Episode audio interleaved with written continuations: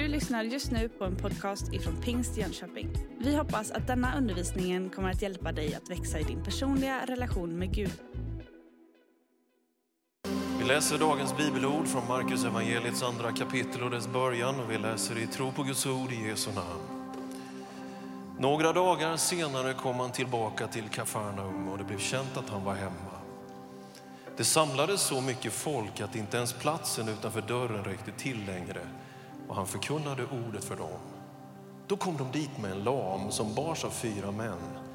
Eftersom de inte kunde komma fram till Jesus i trängseln bröt de upp taket ovanför honom och firade ner bädden med den lame genom öppningen.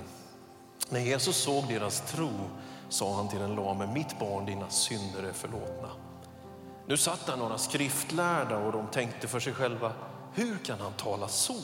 Han hädar ju, vem kan förlåta synder utom Gud? Jesus förstod i sin ande vad de tänkte och sa till dem, hur kan ni tänka så i era hjärtan? Vilket är lättast att säga till den lame, dina synder är förlåtna, eller att säga, stig upp, ta din bädd och gå. Men för att ni ska veta att Människosonen har makt att förlåta synder här på jorden, säger jag dig, och nu talar han till den lame, stig upp, ta din bädd och gå hem. Mannen steg upp och tog genast sin bädd och gick ut i allas åsyn så att de häpnade och prisade Gud och sa, aldrig har vi sett något sådant. Tack Jesus att du är här just nu. Tack Jesus för att du har gett oss ett liv att leva, du har gett oss ett syfte. Allt är inte bara att mäta vad man gör utan det finns en mening med själva existensen. Det vackra, det goda, det sanna, det ljuva, det förunderliga. Tack för din närvaro i vår gudstjänst idag, Herre. Tack för varje person som är i det här rummet. Men vi värderar, Herre, allra högst din egen närvaro.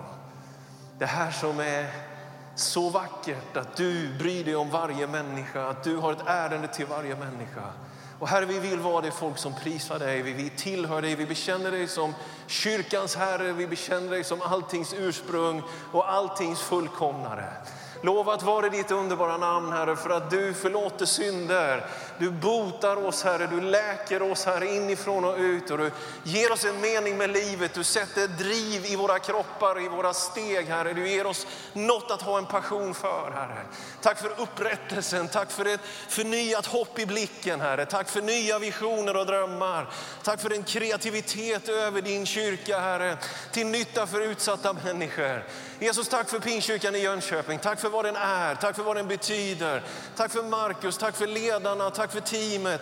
Tack Jesus för att du ska ge dem en välsignad höst och vinter, Herre. I Jesu välsignade namn, Herre. Tack att ditt ljus ska lysa, Herre, genom församlingen. Herre, vi tackar dig för välgång, vi tackar dig för framsteg. Men inte för målens skull och resultatens skull, utan för glädjen att få vara med dig och leva med dig och fyllas av din heliga Ande. Tack att du är här Gud för att upprätta människor idag Herre. Döp oss i helig ande, låt dina vindar blåsa, låt din eld brinna Herre. Låt det vatten som du ger få bryta fram Herre. Jesus jag tackar dig. Tack för varje hem som är representerat här, varje arbetsplats, varje relation. Jesus vi vill inte leva våra liv för att lyckas med någonting utan vi vill leva i det som är den äkta kärleken ifrån dig Herre. Vi vill Gud att du ska ha din väg med oss Herre. Tack Jesus för att det finns tröst i det här rummet. Det finns tålamod i det här rummet. Det finns barmhärtighet i det här rummet. Det finns en ny chans i det här rummet. För att du är en Gud som är alltigenom god och som vill det bästa för ditt folk. Jesus vi tackar dig. Amen, amen. Amen, amen. Varsågod och sitt ner. Stort tack till eh, det här ljuva lovsångsbandet och gruppen. Vilket gäng, vilket skönt gäng. Jag hoppas ni uppmuntrar dem mycket. Det är fantastiskt med alla förmågor som finns i våra församlingar. Tack också Markus att du öppnar upp talarstolen denna söndag och tack igen för ert värdskap igår på Pingstledare. Det är inget vi tar för givet men det betyder väldigt mycket er församlingsengagemang för för, för alla församlingarna här i södra och västra Sverige. Nåväl, jag valde en klassisk söndagsskoletext egentligen. Den här har många hört och läst och hört alla möjliga fantastiska utläggningar om. Så det är ju ett högriskprojekt att predika från den här texten. Jag ska försöka mitt bästa och jag har någonting, tror jag, av ett ärende med den här predikan för, för dig och för församlingen. Ja, men eh, kulissen är ju den att Markus, det är det äldsta av evangelierna och Markus är den som inte har några krusiduller. När Markus skriver så är det pang på, hans evangelium börjar, här börjar glädjebudet och sen blir Petrus svärmor frisk ifrån feber ungefär. Så drar han igång. Matteus är ju väldigt mycket om Jesu predikningar. Vi har bergspredikan, vi har det stora talet om liknelserna, om återkomsten. Det är väldigt mycket undervisning skulle man kunna säga i Matteus. Lukas har väldigt mycket om att Jesus blev människa. Vi har julevangeliet där som vi snart ska läsa och det är ingen slump. Lukas betonar honom som människosonen. Johannes honom som Gud.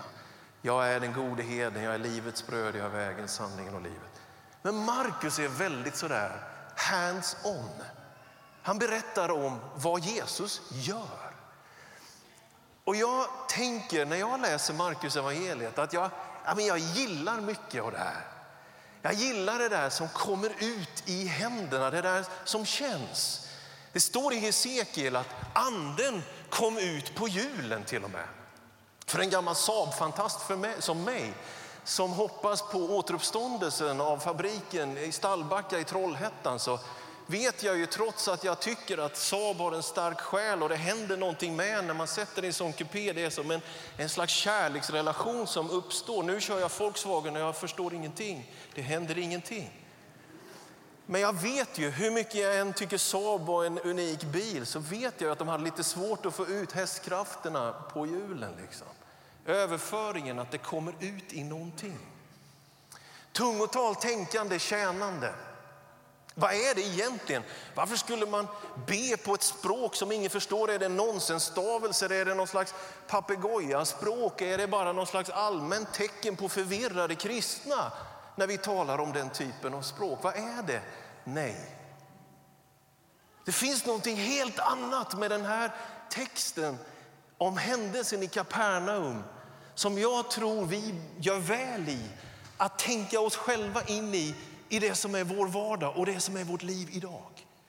Situationen är den att Jesus som vi vet, född i Betlehem, uppvuxen i Nasaret, men när han köper det här starta eget-kittet på Ikea och flyttar hemifrån, då blir det i Kapernaum. Det står inte Ikea-kit, men jag är pingstpastor och vi breder ut lite grann broderingarna om vad som står i de här texterna och vi gör det med glädje och frimodighet. Han bor där de här tre åren när han är aktiv, allra mest då i Galileen. Kvarnachum, Nahums by. Det är den här platsen, dit har också Andreas och Petrus flyttat från Betsaida. Och här bor de och det är deras säte för de här tre åren. Och Jesus kommer hem och där han är i det här huset, vi vet inte om det är hemma hos honom själv, hemma hos Petrus, Petrus svärmor, men de är i ett hem när den här händelsen inträffar. Det samlar sig oerhört mycket människor. Och det är en glädje för mig att få säga till er i november 2019 i ett grådaskigt Sverige där sekulariseringen griper omkring sig, där det ändå på något sätt är så att det offentliga Sverige har svårt att förhålla sig till uttryckt kristendom, så är det ändå så att personen Jesus är fortfarande väldigt intressant. Namnet Jesus, personen Jesus, det som rör sig runt honom, det han säger, det han gör, det som händer i rummet är Jesus här, Jesus in the house. Då finns det ett intresse. Jag tror en kyrka gör klokt i att inte branda sig själv allt för mycket. Att inte vilja bygga allt för mycket vår, vår, vår kyrka. Utan kyrkan är ett kärl, ett redskap, en båt, ett verktyg för att människor ska lära känna honom. Vårt ärende är inte att du ska tycka det är en bra predikan här eller fin musik. Vi har högre mål än så.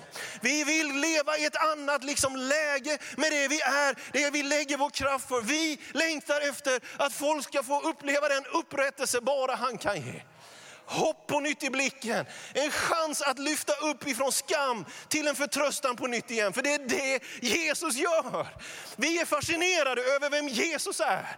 Och det har varit vår rörelses absoluta signum. Att andeuppfyllelsen, tungotalet har inte kommit ut i att vi har blivit några karismatiska broilers som kliar oss själva i den karismatiska ryggen här. Utan vi har, när det är sunt i alla fall, blivit ett folk som vill att så många som möjligt ska lära känna Guds egen son. Det är fyra kompisar här. De är rätt så biffiga tänker jag. De har varit många gånger på gymmet. Och de hör att Jesus är där. Och så bär de sin vän fram till det här huset. Jesus sitter där och undervisar. Jag står upp just nu, men det vanliga i judisk miljö var att man stod upp när man läste texterna. Man satt ner när undervisningen pågick.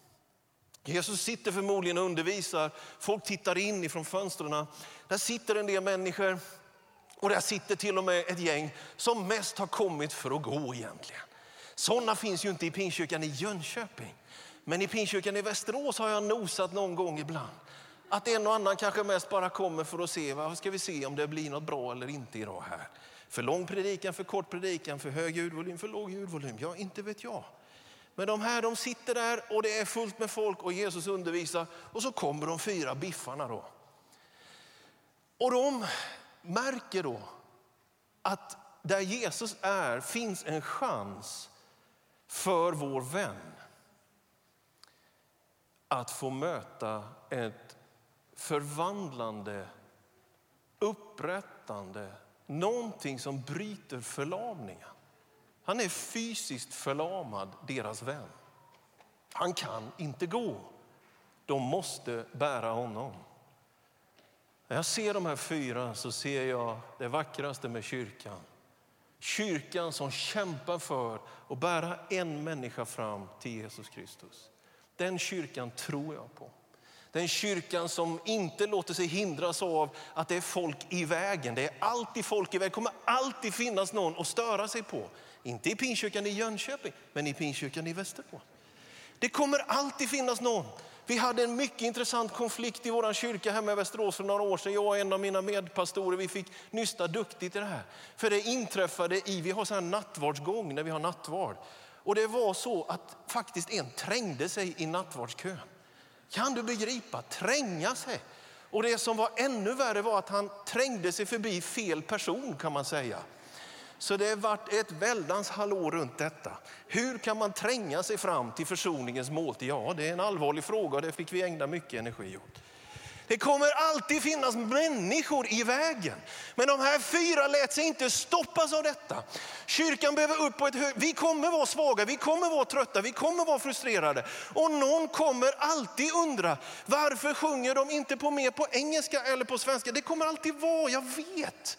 Det är så det är. Vi är människor, vi har våra preferenser. Men den här söndagen så vill jag säga till dig och mig, låt oss kämpa för en människas skull. Låt oss inte ge upp när vi stör oss på människor runt omkring oss. Kanske du redan stör dig på mitt sätt att predika, vad vet jag, men förhoppningsvis skulle du kunna se att det jag vill är inte att hålla en bra predikan. Jag vill se kristna kyrkor på fötter för en människas skull. Det är det som vi behöver. Så det är folk i vägen, men de låter sig inte hindras av det.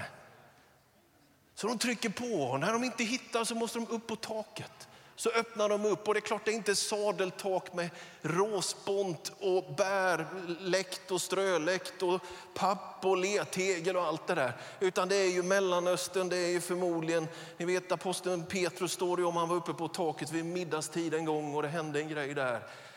Alltså det är platta tak, det är en enkel takkonstruktion, kanske någon form av lera, halm, palmblad, vad vet jag. Och så är de uppe där och så öppnar de upp i taket. Och man får ju säga att det skulle vara intressant om handläggare på alla våra kommuners olika förvaltningar hade varit där. För det är ju en märklig tanke att handikappingången just kommer där. Det svenska institutionella tänkandet hade haft att kämpa, tror jag. Och kan hända att febern återkom till Petrus svärmor om hon hade blivit botad dagen innan. Men nu om det var hennes, då vem ska betala det här? Inte vet jag. Men de här fyra på något sätt, vår vän måste, och jag hoppas att du och jag skulle kunna ha det i hjärtat. Det är inte så att vi kan göra det omöjliga, det kan bara Gud göra. Vi kan inte bryta förlamning, jag kan inte bota min egen allergi. Men vi kan kämpa älskade vänner. Folk i vägen, tak i vägen. Vi kan kämpa, vi kan be en bön till och vi kan skicka ett sms till och vi kan ge lite till och vi kan vara med för en människas skull. Det kan vi faktiskt göra. Vi kan göra det som är möjligt och Gud gör det som är omöjligt. Men en kyrka som bär det förlamade fram till Jesus, jag tror på den kyrkan.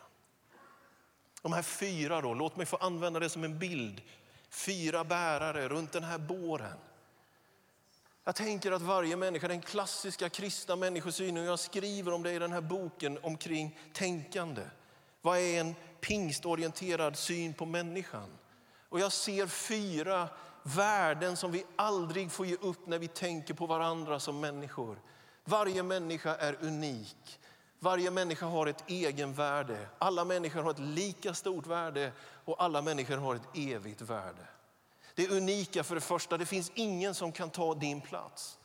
Ingen kan ta den här killens plats. Han har ett unikt värde. Ingen kan vara han. Redan före någon av hans dagar hade kommit så hade Gud sett honom. Förlamad ja, men värdefull ja. Det unika värdet. Kyrkan måste alltid stå upp för varje människas unika värde. Därför är vi en ganska svårbegriplig grupp när det gäller olika ställningstagande.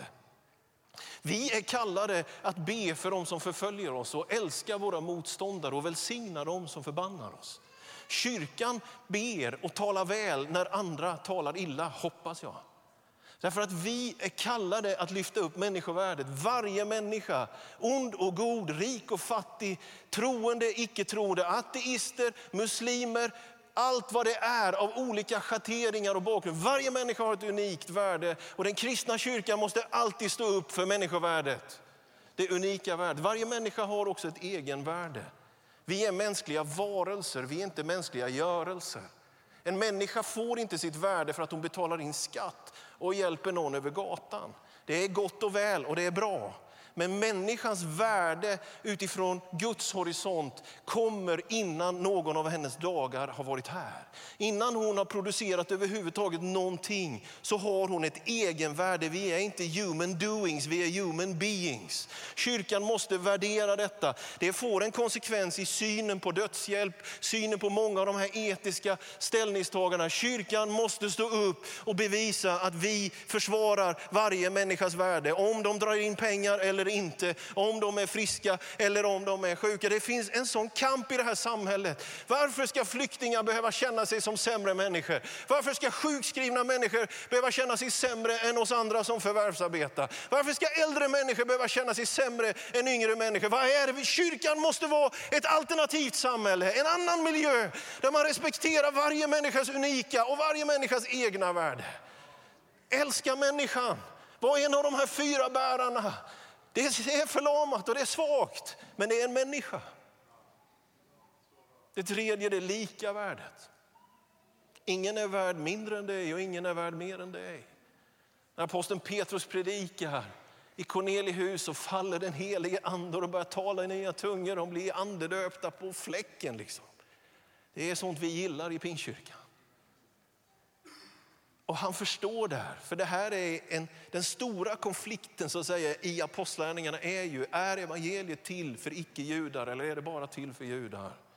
Och anden på något sätt bara gör det tydligt för Petrus. Och han säger det här, jag tycker det är så vackert, Lukas citerar. Nu förstår jag verkligen, säger Petrus, att Gud inte gör skillnad på människor. Ingen skillnad. Och därför älskar jag den miljön av kyrka där. Den arbetslöse och koncernchefen tjänar i samma servicegrupp. Jag älskar bilden av den kyrkan där slav och fri låg tillsammans vid samma nattvardsbord och bröt av samma bröd och drack ur samma bägare. Det är någonting helt unikt, det är ett alternativt sammanhang, det är det himmelska Jerusalem. Det är kyrkan som är en försmak av evigheten. Det är en plats dit man får komma när man mår illa och när man ser illa och hör illa och till och med luktar illa hoppas jag. Det är en plats där varje människa respekteras, hur det än är. Det unika, det egna, det lika värdet och så, såklart det eviga värdet. När jag ser din himmel, dina finas verk, står i psalm 8. Månen och stjärnorna som du har berättat. Vad är då en människa? Att du tänker på henne och ändå gjorde du henne nästan till ett gudaväsen. Du krönte henne med ära och härlighet. Gud har lagt ner någonting i varje människa som är en avbild av sig själv. Imago Dei, det är någonting högt över varje människa. Och vi måste kunna vara i en miljö där vi ser det i kriminella, i förbrytare, i människor som faktiskt är sårade och sårar andra. Det är inte rätt det som görs, men de är ändå Guds avbilder. Hur ska vi någonsin bli en väck väckelserörelse om, med kraft om vi bara välkomnar det som är välputsat och starkt och färdigt. Utan det finns någonting av att kyrkan måste veta att den mest hårdföra, den mest negativa människa på den här jorden är ändå en Guds avbild. Och Gud har lagt ner evigheten i hennes hjärta också. Jag tror på en kyrka som på det sättet spränger alla mänskliga begränsningar, alla ramar. Om. Vet du, ateist idag, evangelist imorgon. Den heliga ande kommer över en människa så sker någonting som förvandlar henne. Och det är vår tilltro att Guds ande i en människa är själva game changern. Inte att hon lyfter sig själv i kragen. De fyra bärarna det unika, det egna, det lika, det eviga. De bär sin vän. De öppnar det här taket, de sänker ner honom i någon slags, inte vet jag, kan tänk dig själv att du ligger i den där. Är den förlamade? Sänks ner i någon slags hammock alla Kapernaum där. Hej, hej, hej. Jesus sitter och undervisar och helt plötsligt kommer du ner där. Ja, det är inte så jättekul att vara den som har behov alla gånger. Va? Och då står det att Jesus Markus skriver, Jesus såg inte den lames tro, inte de som satt där, utan han såg deras tro. Det är en tro som syns. Det är en tro som märks. Kyrkofadern Tertullianus skriver på 300-talet att romarna, romarmedborgarna, det spreds ett rykte om den kristna rörelsen och epitetet är bevingat, citatet är bevingat. Se hur de älskar varandra. Det var romarna som sa det om den kristna kyrkan. Och här kommer min utmaning till Pingstkyrkan i Jönköping denna söndag i november 2019. Syns det i stan att ni älskar varandra? Det är någonting märkligt med församlingskärleken, överlåtelsen troheten som blir ett ljus som lyser för ateister, för agnostiker, för människor som inte tror. I kärleken till varandra kan Gud göra någonting som förvandlar en hel stad. Det är det motsägelsefulla. En bön på ett språk ingen begriper. En måltid som kommer ihåg hans kropp och blod. Vad är logiken? Men det förändrar och förvandlar en värld för det talar om osjälviskhet. Det talar om generositet och barmhärtighet. Det talar om ett dukat bord. Det talar om ett folk som alla är i behov av Guds nåd och barmhärtighet. Tänk den dagen när Sverige karaktäriseras av att människor, ateisterna, börjar få svårt med sin icke-tro på grund av att kärleken stiger så enormt i de kristna kyrkorna. Tänk den dagen, och jag tror den snart det här. Jag är ju väldigt positiv när det gäller den kristna kyrkans framtid i det här landet. Vi är på väg in i en miljö där vi ser att det kommer att vara fler och fler som kommer till tro. Ju kallare och hårdare det blir i samhället, om församlingen är den där varma, på riktigt kärleksfulla miljön, så kommer våra församlingar växa som aldrig förr. Folk kommer dras hit som aldrig förr. Jag är faktiskt helt övertygad om detta. Och så säger Jesus inte, åh, hur mår du? Hur känns det att ligga i hammocken? Har du en bra dag? Utan han går ju direkt på mål, han är den han är. och han säger dina synder är förlåtna. Jag har sagt det den sista månaden, jag lyfte det lite grann igår, jag säger det här också. Det som händer när kyrkan blir fylld av helig ande, tungomålstalandet och många andra andliga gåvor, det är att kyrkan inte bara talar om honom, utan kyrkan talar som honom. Kyrkans budskap är hopp, upprättelse. Kyrkan kommer med en fräsch, frisk doft av ett annat sätt att leva sitt liv. Dina synder är dig förlåtna. Vi lever i en kultur med skam. Vi lever i en kultur där egentligen inget får vara rätt och fel, men nåde den som blir påkommen i fel läge. Redan före den digitala revolutionen så finns det en psykoanalytiker som heter Kristoffer Bollas. Han myntar ett begrepp inom psykoanalysen som heter normopati. Normopatin går ut på att det är ett sånt tryck i kulturen att vi alla ska vara exakt likadana. Kläder, vägval, liksom, att det är någonting strömligt och man får inte sticka ut. Och effekten blir att man ska klara av sitt liv. Man ska hantera sin dag. Man ska hantera sina relationer, man ska hantera sitt äktenskap, man ska hantera sitt arbete. Så när kvällen kommer så ska man kunna känna, ja, jag fixade det. Jag överlevde.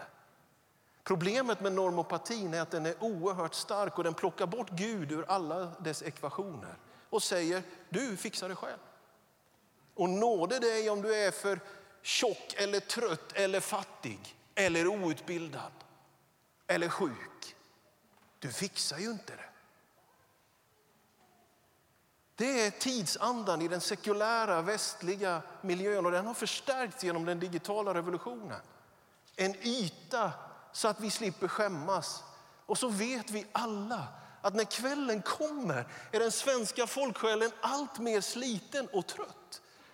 Och vi sätter enorma felaktiga krav på vår partner, på våra barn eller våra föräldrar. Det är ett tomrum som bara Gud kan fylla. Predika kulturen att det får du fixa själv. Och vi ska hantera vår dag. Men jag har ett annat ärende och evangelium är något annat. Evangelium säger, du fixar inte det själv, men dina synder är förlåtna. Evangelium säger att du behöver inte vara perfekt, men jag ska helga dig. Evangelium upprättar alla stackare.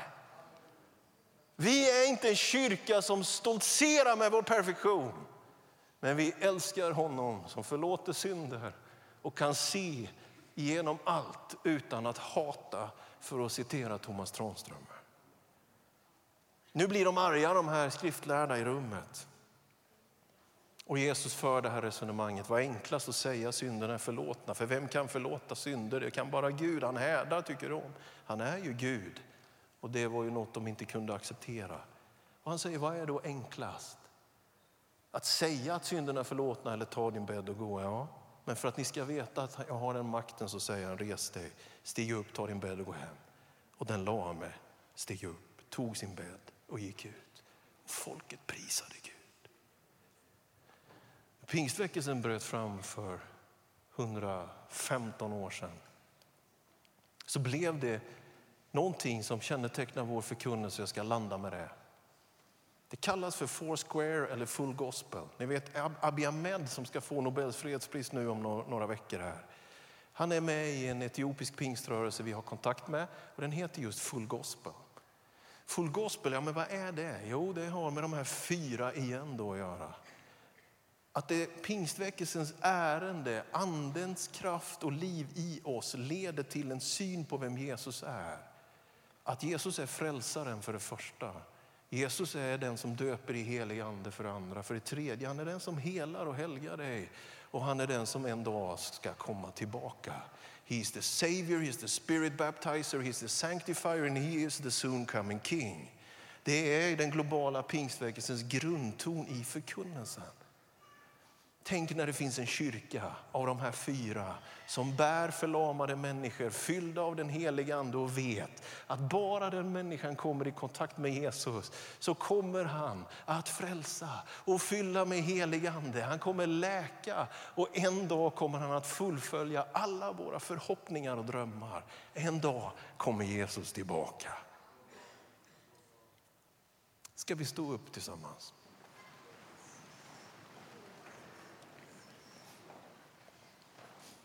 Det här är en predikan bort ifrån självfix, gör det själv. Men det här är en predikan för engagemang och kämpande kyrkor. Och jag vet inte om du mest identifierar dig med de fyra och vill vara en av bärarna, jag hoppas det. Men jag får ju ärligt säga att ibland så har jag också fått identifiera mig själv i alla fall med den femte.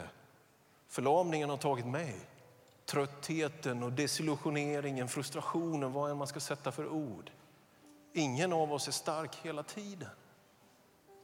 Ibland kan jag bära, ibland behöver jag bli buren. Vet du vad det heter? Vet du hur det stavas? Det stavas kyrka.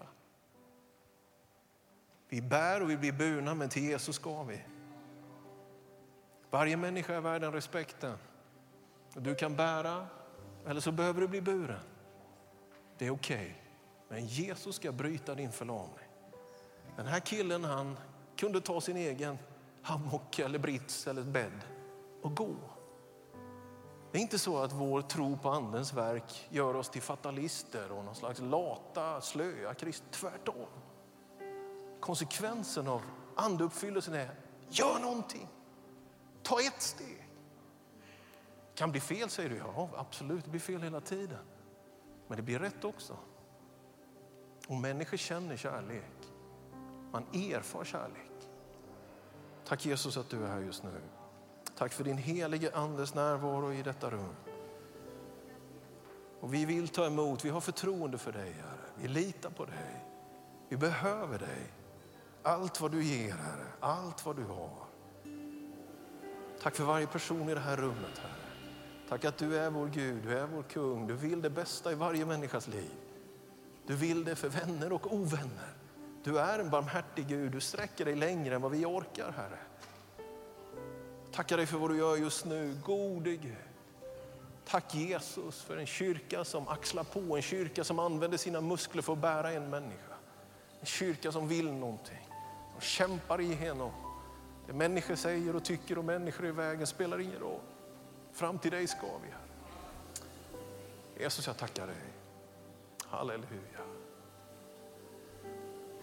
Får jag utmana församlingen? Kan vi ha våra ögon liksom slutna och respekt för varandra? Ställer, jag tror, tre frågor här. Och det kommer finnas personliga förebedjare, tror jag säkert, i någon avdelning här borta till vänster på er, er sida alldeles strax också. Eller du är välkommen dit direkt nu om du vill ha personlig förbön för något område i ditt liv. Men låt mig ge en bred utmaning i detta nu. Du som kan identifiera dig med att du vet du har muskler. Du vill göra någonting. En av de här fyra. Men någonting har blivit liksom stoppat och det är så mycket annat hela tiden. Så med våra ögon slutna så ställer jag frågan, vem, vem vill vara en av de fyra? Det låter så banalt och enkelt men jag hoppas du fattar vad jag menar. Vem ska du bära? Vem ska kunna få ta emot ditt engagemang. Du får kanske inget tillbaka, du kanske bara får strul tillbaka. Men det är Jesus som vi tjänar.